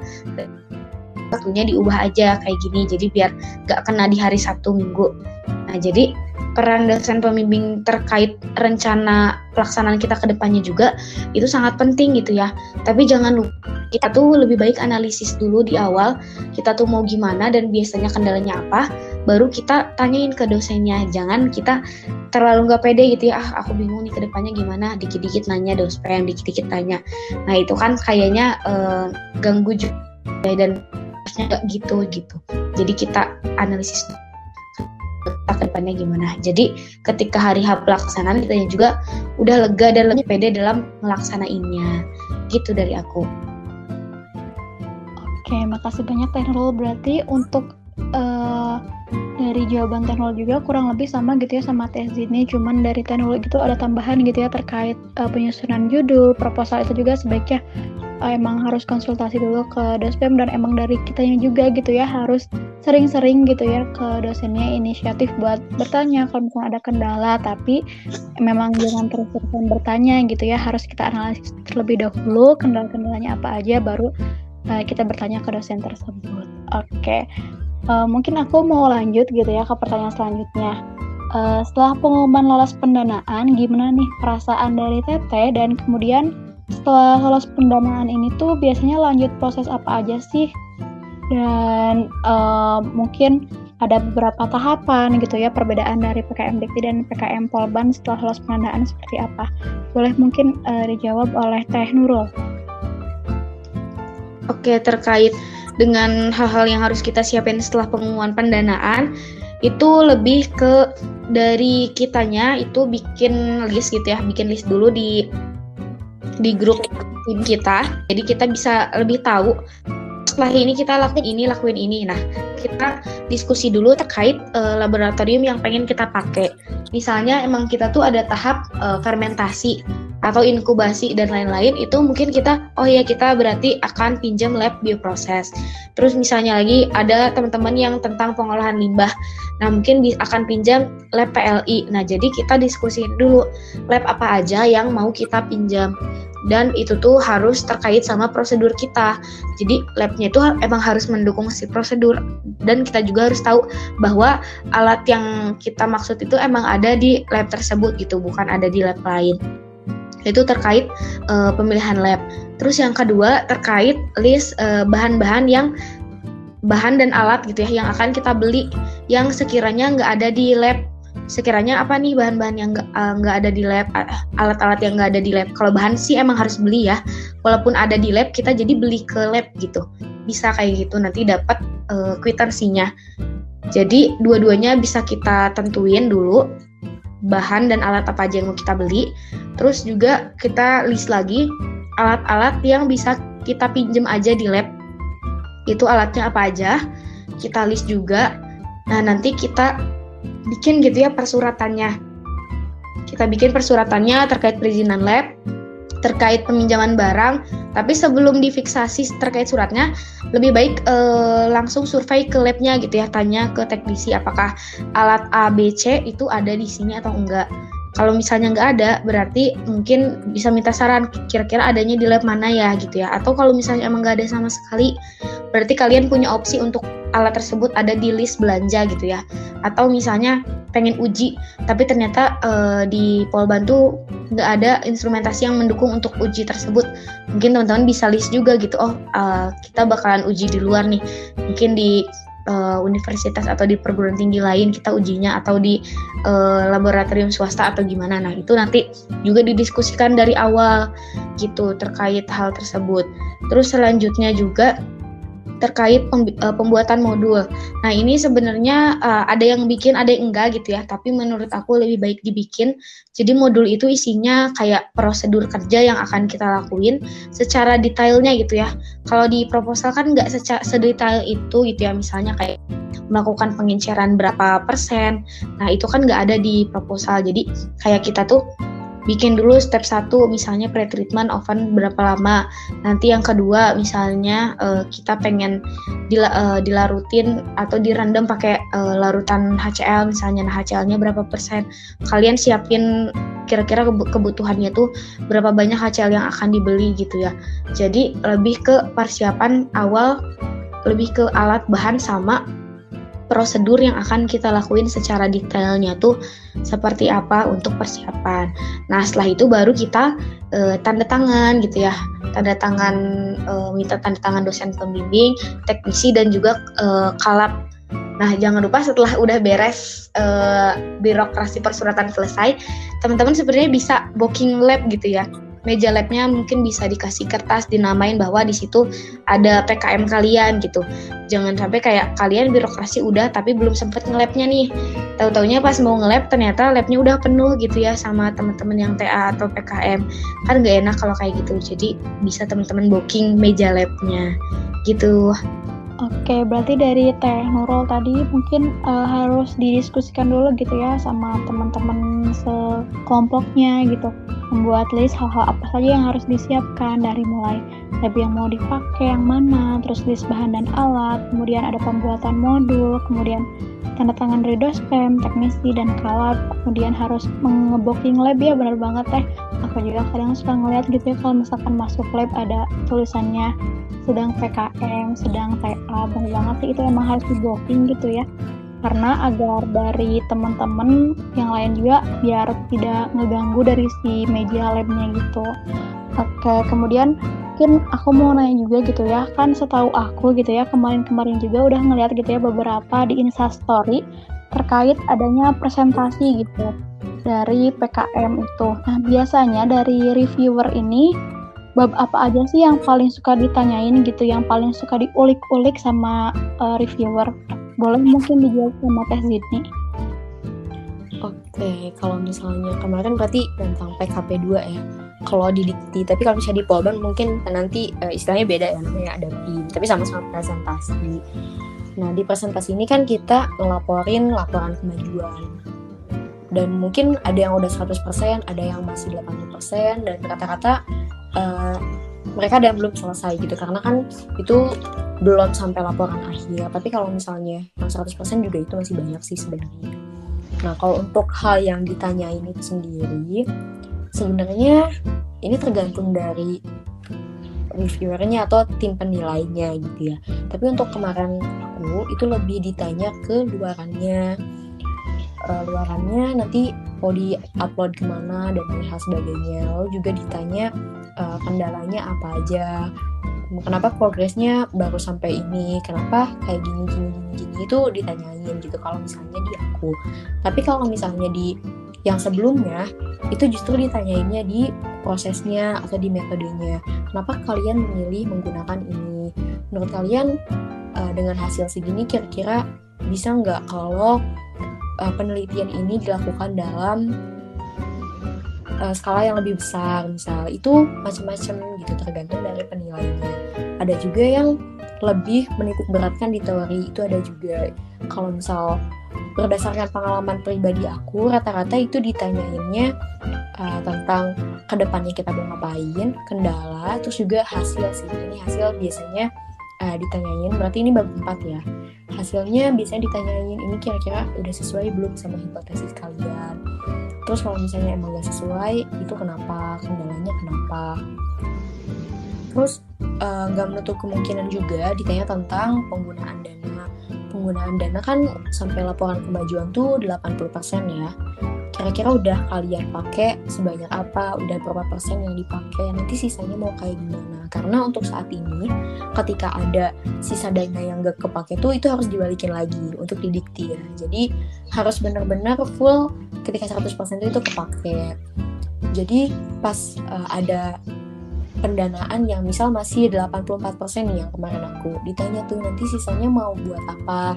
Apakah untuk publikasi atau ada uh, step yang memang belum dilakukan? Misal seperti pengujian akhir itu udah atau belum gitu apakah butuh dana lagi atau enggak? Kayak gitu itu tetap ditanyain. Tapi aku dengar cerita dari teman-teman aku yang lain itu ada juga yang ditanya tentang uh, teorinya. Ada juga yang ngebandingin kalau misal kalian pakai proses ini dibandingkan sama proses ini gitu misal itu juga bisa jadi. Terus kayak misal yang aku kemarin kan pakai standarnya bukan pakai standar yang kayak SMI atau standarnya kita pakai dari hasil uji kita sendiri gitu. Nah itu dipertanyakan juga. Terus biasanya kalau misalnya ada sesuatu yang nggak mereka tahu atau misalkan si sesuatu ini uh, masih asing di mereka. Kadang itu tuh nggak ditanyain atau ditanyanya hanya di permukaannya aja nggak sampai dalam-dalamnya. Tapi kalau misalnya si penilainya itu paham banget sama uh, hal yang kita presentasikan misal nih waktu itu aku bahas selulosa dan emang penilainya itu dia udah expert banget tentang selulosa nah pasti itu ditanya sampai ke um, ikatan kimianya itu ditanyain gitu. Tapi pas kemarin aku itu tentang reaktor elektrolisis plasma, bapaknya cuma nanya, ini elektroda digunakan untuk apa? Bisa dijelasin nggak elektrolisis plasma itu seperti apa? Nah, ke depannya, eh, ke seterusnya itu nggak ditanyain nggak ditanyakan secara lebih dalam gitu si cara kerjanya itu kayak gimana itu nggak ditanyain jadi sebatas ditanyakan di permukaannya aja jadi sebenarnya buat pertanyaan tuh dibalikin lagi ke reviewnya masing-masing ke penilainya masing-masing. Karena uh, di satu kondisi bisa aja kita dapat penilai yang emang benar-benar expert dalam hal yang kita bawakan. Bisa juga uh, penilai tersebut ya mungkin hanya tahu di permukaannya aja gitu nggak sampai ke dalam-dalamnya. Terus uh, mungkin kalau misalnya secara garis besar yang paling banyak tuh ditanya tentang kendala ditanya tentang hasil ditanya tentang penggunaan dana itu sih biasanya yang paling sering ditanyain atau basic yang biasanya ditanyain gitu sama penilai. Tapi kalau misalnya untuk PIM rata-rata juga sama sih nggak terlalu jauh. Pokoknya dari apa yang kita lakuin sebenarnya itu nggak akan jauh dari situ selama kita ngelakuin itu uh, dengan serius. Selagi kita tahu dari awal proses sampai akhir pasti bisa jawab sih sebenarnya gitu. Terus hal-hal lain kayak uh, rencana ke depannya itu juga udah kita rancang dari awal kan. Jadi uh, sebenarnya buat presentasi itu nggak terlalu yang gimana-gimana gitu. Selagi kitanya paham dari awal sampai akhir dan kalau misal belum beres gitu ya apa yang bakal kita lakuin ke depannya mau publikasi di mana kalau luaran artikel ilmiah gitu ya ini misal luaran artikel ilmiah nanti mau publikasinya ke mana uh, kita harus tahu. Itu aja sih paling kalau misalnya buat eh, pertanyaan-pertanyaan Wah berarti banyak banget ya yang ditanya sama tim menilai gitu apalagi tadi katanya yang bagian tes ini itu kan yang ada yang selulosa dan dari tim penilainya itu udah kayak jago banget mengenai selulosa ini dan sampai ditanyain uh, akar sampai akar-akarnya gitu ya mengenai selulosa sampai ikatan kimia juga ditanyain. Nah, aku pengen dong Teh uh, bagi tipsnya gitu ya biar gak gugup gitu waktu presentasi ini kayak gimana sih Teh? Oke, sebenarnya kalau misalnya biar gak gugup ya, pertama banget sugesti sih dari diri sendiri. Ketika kita punya uh, mindset yang oh ya ini kita ya presentasi gitu bukan yang gimana gimana gitu. Kalau misalnya dari awalnya aja kita udah mikir ah aku bakal bubuk di sini ya udah otomatis gitu pikiran kita juga isinya hal-hal negatif gitu. Jadi yang pertama sih itu pikirannya positif dulu. Karena uh, ketika kita punya pikiran yang positif otomatis kayak seluruh badan kita juga ikut-ikutan positif gitu. Pokoknya uh, jangan apa ya jangan takut di awal. Karena kalau misalnya kita udah takut di awal otomatis semuanya juga kayak mendukung kita buat takut. Tapi kalau misalnya kita yang udah pede di awal uh, otomatis semuanya juga bakal mendukung buat uh, percaya diri ke kitanya. Terus kalau misalnya ada pertanyaan yang belum bisa kita jawab gitu kita bisa kok kayak mm, jawab uh, mohon maaf gitu untuk hal yang ini memang tidak kami teliti. Kayak misal kemarin aku ditanyakan kenapa ujinya cuma uji fisik nggak sama uji kimianya ya sebenarnya tinggal bilang aja gitu. Sebenarnya kita juga berniat untuk uji sifat kimianya tetapi karena keterbatasan alat di laboratorium kami kami hanya memfokuskan penelitian ini ke uh, uji fisiknya kayak gitu. Intinya kalau misalnya lagi jawab pertanyaan itu jawab seadanya. Bukan seadanya maksudnya uh, ya udah seada-ada aja gak gitu. Tapi seadanya apa yang kita lakuin dari awal sampai akhir ya itu yang kita uh, kasih ke penilainya gitu. Jangan ada yang ditambahin dan jangan ada yang dikurangin. Serial mungkin. Terus juga kalau misalnya emang ini ya dari awal sebelumnya gitu ya kalau bisa sih kita bagi-bagi dulu yang mau presentasi siapa aja. Terus kita juga bikin semacam uh, ini perkiraan kira-kira yang bakal ditanyain sama penilai itu apa aja sih jadi kitanya lebih tahu gitu. Kita bisa mempersiapkan oh kira-kira kayaknya kalau misalnya uh, dosennya eh penilainya nanya ini kita bisa jawabnya kayak gini kayak gitu. Terus juga usahain sih ada pembagian. Jadi kalau misalnya penilainya nanya ini ini bagian kamu yang jawab. Takutnya dikhawatirkan ketika nanti yang menguasainya cuma satu nih misal. Atau misal uh, si bapaknya tuh hanya nanya tentang bagian ini aja gitu nanti yang nanya eh yang jawab kan cuma itu itu aja gitu takutnya. Nanti berpengaruh juga ke penilaian. Karena kan sebaiknya diusahakan semuanya bisa menjawab gitu ya. Selain bisa mempresentasikan tapi juga harus bisa menjawab. Jadi di awal banget mungkin ya sebelum dilaksanakan PKP itu ada semacam briefing dulu terus juga ada uh, simulasi dulu gitu ya sama dosen pembimbing kira-kira pertanyaan yang bakal keluar apa aja. Sehingga nanti pas kita ditanya tuh ya nggak gugup karena kita sebelumnya udah ada persiapan. Kita udah bikin perencanaan dulu sebelumnya. Jadi pas kita presentasi tuh ya udah mantep gitu tinggal jawab-jawab aja. Kayak gitu sih paling kalau dari aku Oke, benar banget ya. Boleh nih buat para pendengar setiap poli dicatat tips and trick dari tes gitu ya terkait cara gitu ya biar gak gugup saat presentasi. Nah mungkin bukan hanya dipakai buat uh, presentasi waktu PKM aja, mungkin ada beberapa pendengar setiap poli juga yang masih gugup gitu ya kalau presentasi di kelas harus kayak gimana, apalagi sekarang udah offline gitu ya. Nah mungkin boleh diterapin gitu ya, diimplementasikan dari tips dari tes reading tersebut. Oke, mungkin uh, aku mau lanjut gitu ya ke pertanyaan selanjutnya. Nah, kan dari PKM ini pastinya uh, dari teteh teteh ini dapat pengalaman gitu ya. Nah, kalau dari yang lain gitu, benefit lain apa aja sih uh, setelah lolos pendanaan PKM ini dan tadi kan udah sampai ke yang uh, tahap akhir gitu, laporan akhir. Menurut teteh, selain pengalaman apa aja benefit lain gitu yang teteh dapat? Boleh mungkin dijawab dulu oleh teh Nurul.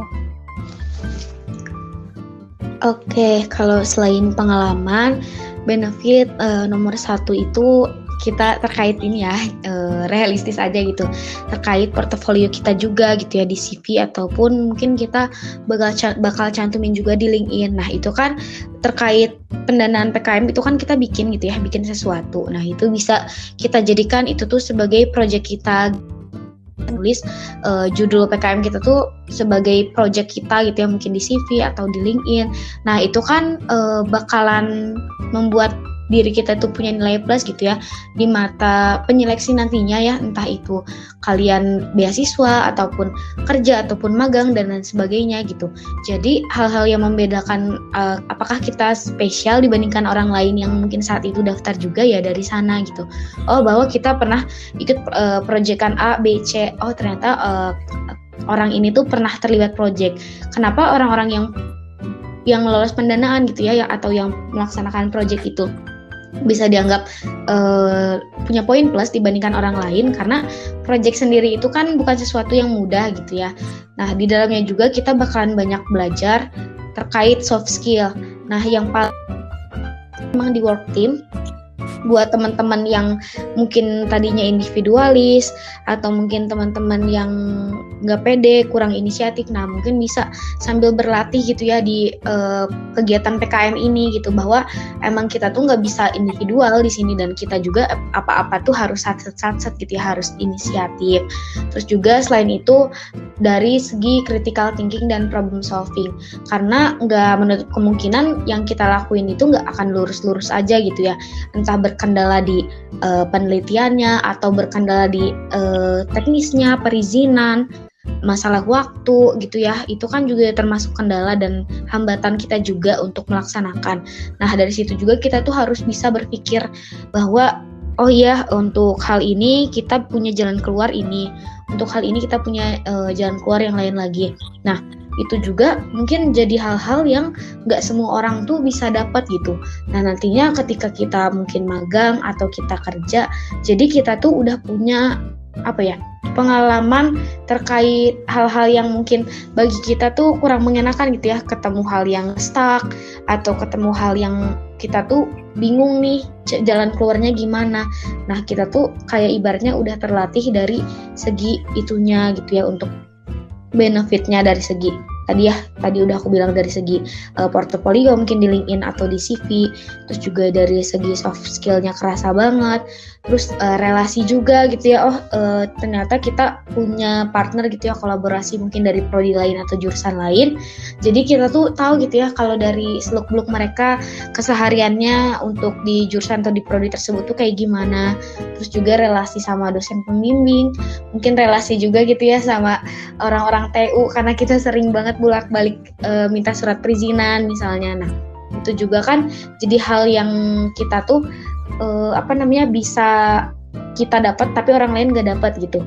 Terus selain itu juga dari segi uh, negosiasi juga sih kita uh, izin itu kan pasti nggak gampang gitu ya karena semua ada prosedur tapi nggak menutup kemungkinan juga kita kayak telat buat bikin surat izin atau misalnya kita telat bikin uh, perizinan apa mendadak dan lain-lain gitu ya.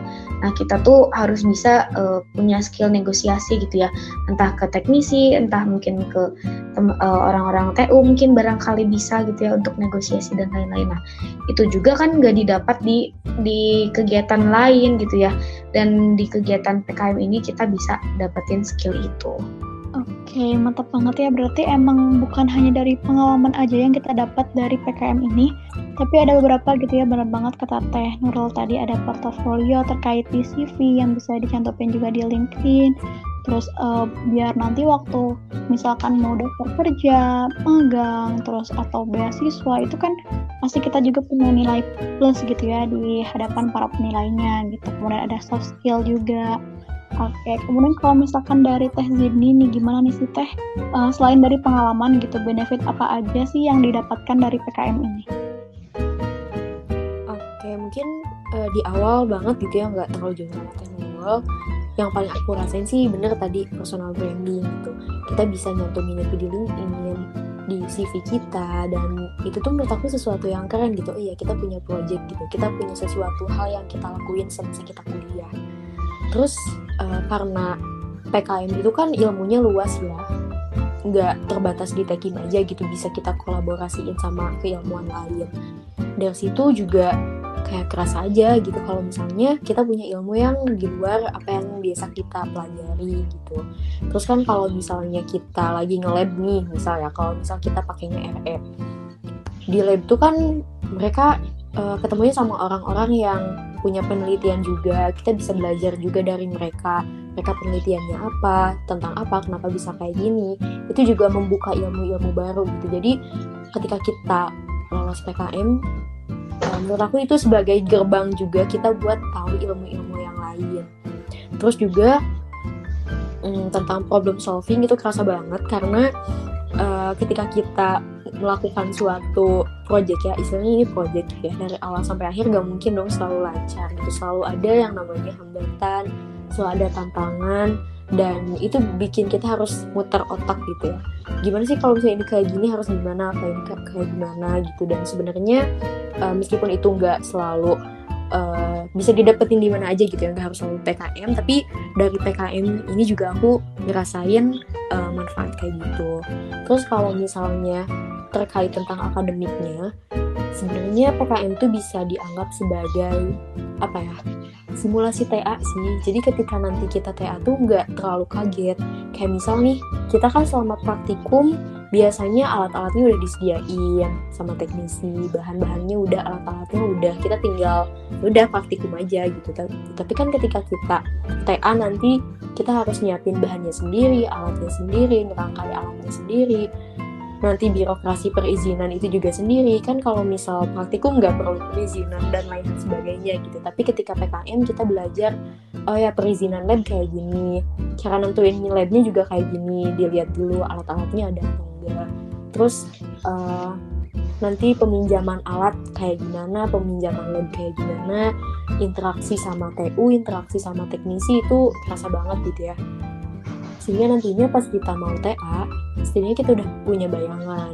Dan bagi aku PKM juga udah semacam miniaturnya TA gitu ya. Karena dari strukturnya sendiri itu mirip-mirip. Dimulai dari proposal terus nanti ada isinya juga uh, dari mulai pendahuluan terus juga latar belakang metode hasil gitu. Itu urutannya nggak terlalu jauh dari segi sistematikanya jadi kalau misalnya yang aku rasain buat di akademiknya sih itu. Sisanya banyak sih sebenarnya nggak bisa disebutin satu-satu gitu ya. Entah itu dari segi soft skill soft skillnya maupun hard skillnya itu pasti berkembang. Karena kan kita ngelakuin ini nggak cuma sebulan dua bulan gitu ya. Tapi cukup panjang dan hubungan sama orang lain juga sih. Hubungan intrapersonal itu terasa banget gitu ya. Dari yang awalnya. Mungkin kalau praktikum kan cuman uh, ya beberapa jam doang gitu ya kita melakukan praktikum. Tapi kalau misalnya ini uh, ngelakuin berbulan-bulan dengan orang yang sama ya mungkin nggak selalu sejalan gitu ya gimana sih cara kita menghadapi orang, -orang tersebut. Lebih kenal lagi gitu ya oh ya orang ini kayak gimana. Kita harus uh, bisa ngerti tiap orang tuh harus punya uh, apa ya penanganan yang berbeda-beda sih istilahnya kayak gitu. Cukup sih kalau dari aku. Oke, berarti mantap banget gitu ya dari PKM ini. Kayak aku bisa dapat eh, hal-hal atau benefit-benefit lain yang emang emang bener-bener kerasa gitu ya kak. Kitanya kayak tadi yang personal branding terus ilmunya menjadi luas gitu ya. Benar banget tadi bisa kita tuh bisa ngebuka gerbang-gerbang ilmu yang lain gitu terus kita juga bisa problem solving gitu ya di mana kita muter otak buat memecahkan suatu masalah tersebut. Kemudian bener banget sih uh, kalau tes ini aku juga ngeliat kayak uh, tes ini teh Nurul uh, kalau misalkan ngelakuin uh, PKM itu kayak bener-bener kayak simulasi TA di mana kayak penyusunan dan uh, lab dan cara cara nentuin labnya itu kan emang bener-bener sama kayak TA nanti gitu ya. Dan itu bisa dijadiin uh, buat nanti TA ke depannya selanjutnya dari pengalaman dari PKM tersebut. Oke, okay. mungkin tadi juga disebutin gitu ya sama Teh Zidni kalau misalkan PKM itu gak satu bulan atau dua bulan tapi berbulan-bulan. Nah, dari te cerita Teh Nurul juga gitu ya, kita bisa tahu banyak banget gitu ya waktu teteh-teteh yang terpakai. Dan teteh juga mungkin tahu gitu ya kalau mahasiswa Polban itu khususnya jurusan teknik kimia mungkin sibuk banget. Nah, gimana sih cara teteh gitu ya membagi waktu antara kesibukan tugas kuliah, himpunan, PKM dan kegiatan lain? Apalagi gitu ya kalau aku lihat gitu ya, kalau Teh Nurul nih, Teh Nurul kan juga ikutan yang Cemekar itu kan, dan kalau misalkan Teh Zini juga ikutan yang kayak Poljar terus udah kayak gitu. Ikutan juga yang ajudan gubernur gitu ya Teh. Nah gimana sih cara teteh-teteh ini ngebagi waktunya gitu di kala kesibukan akademik, himpunan, dan kegiatan lain. Boleh mungkin dijawab terlebih dahulu oleh Teh Zidni. Oke, kalau misalnya masalah bagi waktu sih sebenarnya aku pun terkadang gitu ya masih susah gitu ya buat bagi waktu. Tapi uh, untuk sekarang saat ini aku selalu berusaha buat bikin skala prioritas mana yang harus duluan dikerjain dan mana yang setidaknya bisa ditunda dulu pokoknya usahain sih tiap hari itu kita bikin semacam to-do list. Uh, hari ini mau ngapain aja apa aja yang mau kita capai hari ini. Meskipun itu progresnya cuma satu persen tapi kalau misalnya kita lakuin secara konsisten itu kadang-kadang nggak kerasa tahu-tahu beres aja gitu. Pokoknya aku selalu uh, nulisin apa yang mau aku lakuin tiap harinya. Uh, entah itu mau pagi hari atau malam hari itu terserah. Intinya kita tahu gitu uh, waktu yang kita gunakan itu mau digunakan buat apa karena kan waktu kita sama-sama 24 jam tinggal itu terserah ke kita kita mau pakai buat apa kayak gitu sih terus uh, jangan lupa juga buat target mingguan target bulanan sehingga nantinya kita tahu gitu apa aja yang perlu kita selesaiin di dalam waktu dekat, dalam waktu uh, sedang, menengah gitu ya, ataupun dalam waktu yang durasinya cukup lama. Pertama sih itu bikin timeline, entah itu mau harian, mau mingguan atau mau bulanan, itu perlu banget gitu. Terus kalau misalnya udah tingkat akhir sih sebenarnya nggak terlalu banyak organisasi yang gimana-gimana gitu ya, karena kan kalau misalnya untuk organisasi biasanya dihabisin di tingkat satu biasanya ya. Tapi ada juga yang lanjut jadi pengurus dan aktif banget itu juga ada. Tetapi untuk uh, tingkat akhir sendiri sih biasanya udah pada mulai fokus TA mau ke tingkat akhir tuh ada KP juga kan.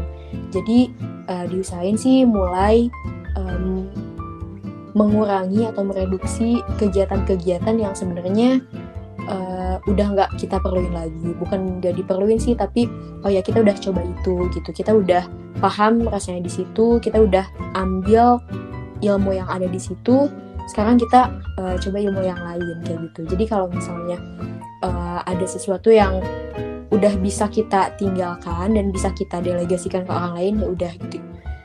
Kita bisa fokus ke hal-hal yang lebih penting buat kita kayak gitu sih. Kalau misalnya tentang uh, bagi waktu gitu ya. Terus kan uh, kita juga hidup juga harus selalu tentang kuliah punya waktu juga buat keluarga punya waktu juga buat diri sendiri. Intinya sih kita harus pintar-pintar aja bagi waktu. Mana waktu buat diri sendiri mana waktu buat uh, keluarga mana waktu buat teman mana waktu buat kewajiban mana waktu buat istirahat juga. Dan jangan lupa menurut aku istirahat tuh penting banget gitu ya. Usahakan kayak kasih jeda buat uh, sekadar self care, me gitu itu perlu banget gitu ya. Meskipun mau sibuk apa pun setidaknya kasih waktu buat diri sendiri. Itu sih paling kalau dari aku. Oke okay, benar banget ya um, kata Teh Zini tadi meskipun kita banyak kegiatan kita masih tetap harus uh, meluangkan waktunya gitu ya untuk kita gitu. Terus tadi juga benar banget ada yang to do list terus jangan lupa uh, buat target kayak timeline harian mingguan bulanan kemudian benar juga kata Teh Zini gitu gimana kita tuh harus mereduksi kegiatan-kegiatan yang emang udah pernah kita jalanin dan bisa kita delegasikan gitu ke ke orang yang nanti bakal jadi kontinuitas gitu.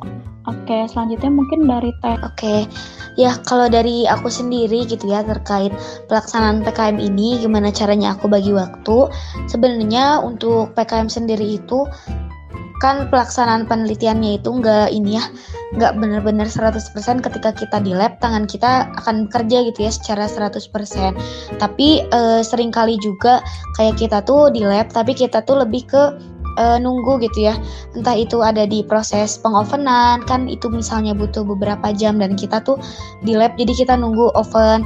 Atau misalnya lagi ada yang namanya tahap hidrolisis atau mungkin uh, teman-teman yang lain gitu ya beda penelitian beda lagi prosesnya mungkin ada proses pereaksian yang itu tuh butuh waktu beberapa lama untuk uh, bisa dilakukan gitu ya dan itu tuh nggak perlu tenaga kita gitu bisa bisa aja kayak pakai uh, magnetic stirrer atau hot plate gitu ya jadi kita tuh lebih ke uh, nunggu aja gitu di saat itu. Nah, mungkin di bagian nunggu itu kita juga harus punya uh, inisiatif gitu ya untuk ngelakuin hal-hal lain di luar dari PKM. Misalnya kalau misalnya kita punya tugas akademik, nah kita bisa sambil ngerjain gitu ya, buka laptop gitu ya, karena di sana juga kan ada meja gitu ya, dan nggak semua meja itu full kepake banyak alat dan bahan. Jadi mungkin bisa sedikit uh, space untuk laptop, terus kita ngerjain sesuatu gitu ya, entah tugas kuliah atau misalnya tugas organisasi gitu ya yang harus dikerjain di saat itu. Nah itu tuh bisa langsung dikerjain aja. Terus uh, hal kayak gitu juga kan uh, meminimalisir kalian tuh uh, kurang tidur gitu ya. Udah capek nge-lab gitu udah capek kuliah sampai kosan masih harus ngerjain tugas-tugas lagi. Nah jadi lebih baik sekalian nunggu sekalian dikerjain tugas-tugasnya Terus uh, hal lainnya juga kalau dari pelaksanaan ini kita tuh nggak uh, selama itu di lab gitu ya. Misalnya kayak lab itu kan tutup di jam uh, eh, 4 gitu ya. Nah, jadi kita juga punya waktu lain selain nge-lab misalnya nanti pas udah pulang kita bisa nugas atau ngerjain organisasi, mungkin dilanjut sama rapat. Nah, itu juga bisa gitu. Jadi nggak uh, lab uh, nge-lab itu kita nggak kayak kerja gitu ya yang harus benar-benar uh, in, apa namanya intens banget 8 jam gitu ya. Nggak nggak kayak gitu. Terus juga terkait organisasi dan lain-lain yang aku ikutin selama aku bisa hadir gitu ya misalnya di rapat dan uh, mungkin tugas-tugas aku bakal lakuin. Misalnya dirasa emang uh, eh, PKM mungkin atau ada tugas kuliah yang emang lebih urgent dan butuh lebih banyak peran aku di sana, aku bakal uh, prioritasin yang itu dulu gitu.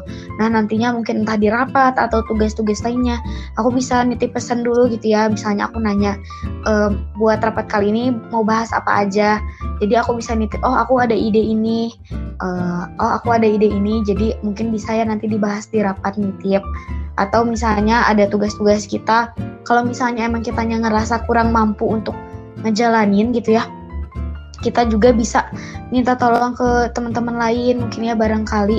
Oh ya aku uh, lagi ada ini selama beberapa hari minta tolong di handle dulu. Jadi kita juga nggak terlalu terbebani gitu ya dengan hal-hal yang berkaitan sama organisasi ataupun akademik karena kita juga bisa tetap bisa gitu untuk minta tolong ke orang lain untuk handle. Gitu sih paling dari aku.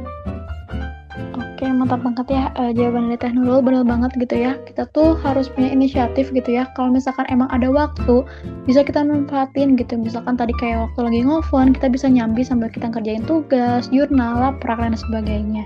Dan kemudian kalau misalkan emang ini kita harus bisa memposisikan peran gitu ya.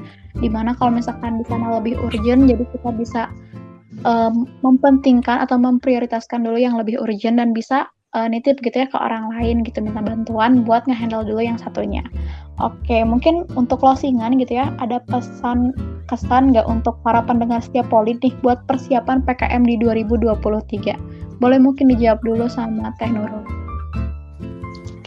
Oke, pesannya gitu ya dari aku uh, buat teman-teman yang dengerin Polit untuk tahun depan gitu ya karena bakalan ada terus gitu ya PKM selama uh, setiap tahun gitu ya itu akan ada terus dari aku sendiri. Uh, persiapkan sedini mungkin gitu ya mungkin dari sekarang teman-teman bisa loh udah nyiapin dari sekarang. Mungkin teman-teman bisa ikut seminar webinar yang mungkin uh, ada topik-topik tertentu yang teman-teman suka. Dari sana teman-teman bisa dengar gitu ya persep persepsi dari ahli-ahli atau pematerinya itu terkait permasalahan atau inovasi yang udah ada sekarang tuh seperti apa Nah, teman-teman juga jadi udah melek terhadap uh, masalah atau topik-topik tertentu itu tuh dari sekarang gitu. Jadi nantinya ketika PKM juga teman-teman udah tahu oh waktu itu pernah nih bahas tentang uh, bioetanol misalnya atau waktu itu pernah nih uh, bahas tentang uh, ada plastik larut air dan lain-lain. Nah, itu tuh teman-teman juga udah ada setidaknya sedikit ilmunya gitu ya, sedikit pengenalan dulu gitu. Terus yang kedua, ketika nanti teman-teman misalnya udah dengar nih desas-desus oh mau ada udah mau mulai nih PKM Dikti atau PKM Polban nah teman-teman bisa uh, sedini mungkin juga untuk mempersiapkan timnya gitu ya. Cari atau pilih uh, tim-tim yang di dalamnya ada orang-orang yang solid orang-orang yang penuh support juga yang uh, teman-teman tuh nantinya ke depannya juga bakalan ngerasa nyaman gitu bekerja sama sama mereka. Karena kan gak sebulan dua bulan ya bener. Kita tuh bakal kurang lebih sekitar empat bulanan untuk ngerjainnya. Terus juga uh, kalau misalnya gitu ya ada wadah atau ya ada kesempatan untuk teman-teman belajar, teman-teman juga uh, harus inisiatif mau gitu ya. Entah itu kalau di HMJT kan ada sosialisasi ya yang biasanya diselenggarain sama Demuris mungkin atau misalnya ada rumah PKM mungkin di BEM juga ada gitu ya sekolah PKM atau sosialisasi yang diselenggarakan sama BEM.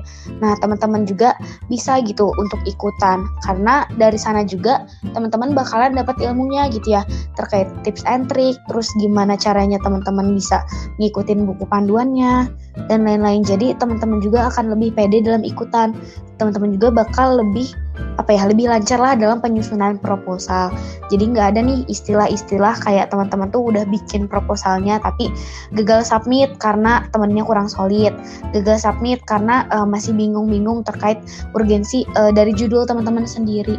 Nah jadi uh, lebih baik dipersiapkan dari awal, cari ilmunya bisa dari mana pun ya dari seminar, dari Instagram ataupun dari denger polit ini gitu ya. Karena dari awal sampai akhir udah kita spill nih tentang PKM. Jadi ini juga insya Allah jadi e, bermanfaat juga buat teman-teman persiapan di tahun depan. Cukup dari aku, terima kasih. Oke, benar banget ya para pendengar setiap polit e, dicatat gitu ya pesan dari Teh Nurul tadi terkait uh, apa aja yang harus dipersiapkan untuk PKM 2023 nanti. Nah, boleh mungkin dari Teh Zidi nih, apa kesan-pesan gitu ya, ya untuk para pendengar setiap polit untuk persiapan PKM 2023? Oke, dan aku mungkin buat teman-teman yang pengen ikut PKM 2023 mulai dari sekarang gitu. Karena kalau nggak sekarang mau kapan lagi? Maksudnya di situ nggak harus langsung nyusun proposal atau apa pun itu enggak, tapi dimulai dari cari idenya. Benar tadi kata Teh bisa ikut dari mana pun, ilmu tuh bisa dari mana aja. Dimulai dari yang paling dekat sama kita, yang paling kita suka dan yang paling kita kuasai minimal dari tiga itu gitu kita bisa dapat idenya. Terus kan e, benar tadi kayak cari juga timnya yang solid dan lain hal sebagainya. Pokoknya jangan pernah takut buat memulai karena kesempatan tuh sangat terbuka luas gitu. Kalaupun misalnya nanti teman-teman uh, gak berkesempatan buat dapat pendanaan di dikti misal teman-teman bisa coba di PKM Polban itu pokoknya buat Polban tuh dananya juga lumayan dan uh, biasanya yang dapet tuh anak-anak tekim kuotanya juga banyak gitu. Kalau misalnya teman-teman uh, pada umurnya gitu nggak berkesempatan di dikti tapi kesempatan di dikti juga menurut aku itu terbuka lebar. Uh, intinya teman-teman jangan pernah uh, berhenti buat nanya uh, manfaatkan juga media-media yang ada kayak tadi yang udah disebutin itu banyak banget dan Polban juga udah memfasilitasi hal-hal persiapan terkait PKM itu bisa dimanfaatkan dengan baik. Terus juga uh, waktu dari saat ini gitu ya PKM 2022 ke 2023 itu gak akan terasa. Jadi uh, selama ada rentang waktu ini gitu ya sebelum dibuka pembukaan uh, pakai waktunya buat persiapan. Nanti kalau misalnya udah mulai kedenger nih desas-desus mau ada PKM, langsung tuh uh, bikin timnya, bentuk timnya, cari dosen pembimbingnya. Uh, persiapan harus dimulai uh, sedini mungkin menurut aku. Kenapa? Karena kadang uh, waktu yang disediakan dari mereka tuh cukup singkat. Kayak misal dari waktu pembukaan ke submit proposal itu biasanya terbatas waktunya. Kayak mungkin sekitar uh, setengah bulan. Tapi kadang kan uh, yang namanya informasi nggak merata. Kadang uh, di pusatnya udah diinformasikan tapi di kitanya belum dapat itu bisa aja terjadi jadi misalnya ketika udah mulai kedenger nih bakal dibuka PKM langsung aja digas gitu uh, sisanya dari aku uh, mungkin semangat buat teman-teman. Uh, kalau misalnya teman-teman baru mulai banget buat uh, ikut PKM itu oke okay. itu bukan jadi penghalang buat teman-teman. Teman-teman masih bisa ikutan bareng cutting bareng teman-teman yang udah pernah coba sebelumnya. Uh, bisa juga nanya-nanya ke cutting kalau misalnya mau mulai dari awal itu terbuka banget. Terus juga buat teman-teman yang mau tanya-tanya ke kita katanya Uyui gitu atau aku itu juga boleh banget gitu ya kita uh, bakal selalu terbuka buat pertanyaan-pertanyaan kalian meskipun mungkin pertanyaan kalian nggak bisa terjawab semua gitu ya sama kita tapi uh, bakal kita usahain kayak gitu sih. Intinya semangat terus. Uh, jangan pernah malu buat bertanya cobain semua hal. Uh, pokoknya abisin jatah nyobanya di kuliah gitu. Nggak masalah kalian misal nanti gagal gitu yang apa apa uh, abisin jatah gagalnya di kuliah gitu. Sehingga nantinya pas kalian udah keluar kuliah tuh ya kalian udah tahu gitu rasanya uh, memperjuangkan sesuatu kegagalan sesuatu gitu ya. Biar nantinya terbiasa juga. Itu sih kalau dari aku. Cukup Oke, mantap banget ya. Uh, pesan dari Teh Zini ini dimulai dari yang paling dekat gitu ya. Ilmu ilmu-ilmu yang kita dapat buat nanti kita persiapin di uh, PKM 2023 dan boleh mungkin katanya tadi kata Teh Zini sama Teh Uyuy boleh mungkin nanti kalau misalkan ada yang mau diskusi gitu ya terkait PKM boleh langsung mungkin ya uh, chat gitu ya Teh Zini atau Teh Uyuy gitu ya boleh ya Teh boleh boleh oke okay. Oke, mantap banget ya. Aduh, gak kerasa banget ternyata kita udah berbincang satu jam lebih dan alhamdulillah banget aku sama sahabat Polid bisa dapat banyak ilmu dari Teh Sidni dan Teh Uyuy. Uh, kemudian kami gitu ya dari tim Polid mengucapkan terima kasih dan mohon maaf sebanyak-banyaknya jika terdapat kesalahan. Dan semoga teteh-teteh ini sukses selalu dan semoga ilmu yang telah diberikan oleh teteh-teteh menjadi syafaat bagi warga HMJTK. Aku, Rahma Puspa Permatasari, pamit undur diri. Jangan lupa pantangin terus Polit karena akan ada episode-episode selanjutnya dengan judul dan narasumber yang keren-keren. Dan jangan lupa like, komen, dan subscribe ya. Wassalamualaikum warahmatullahi wabarakatuh. Terima kasih Teteh. Terima kasih kembali. Terima kasih juga.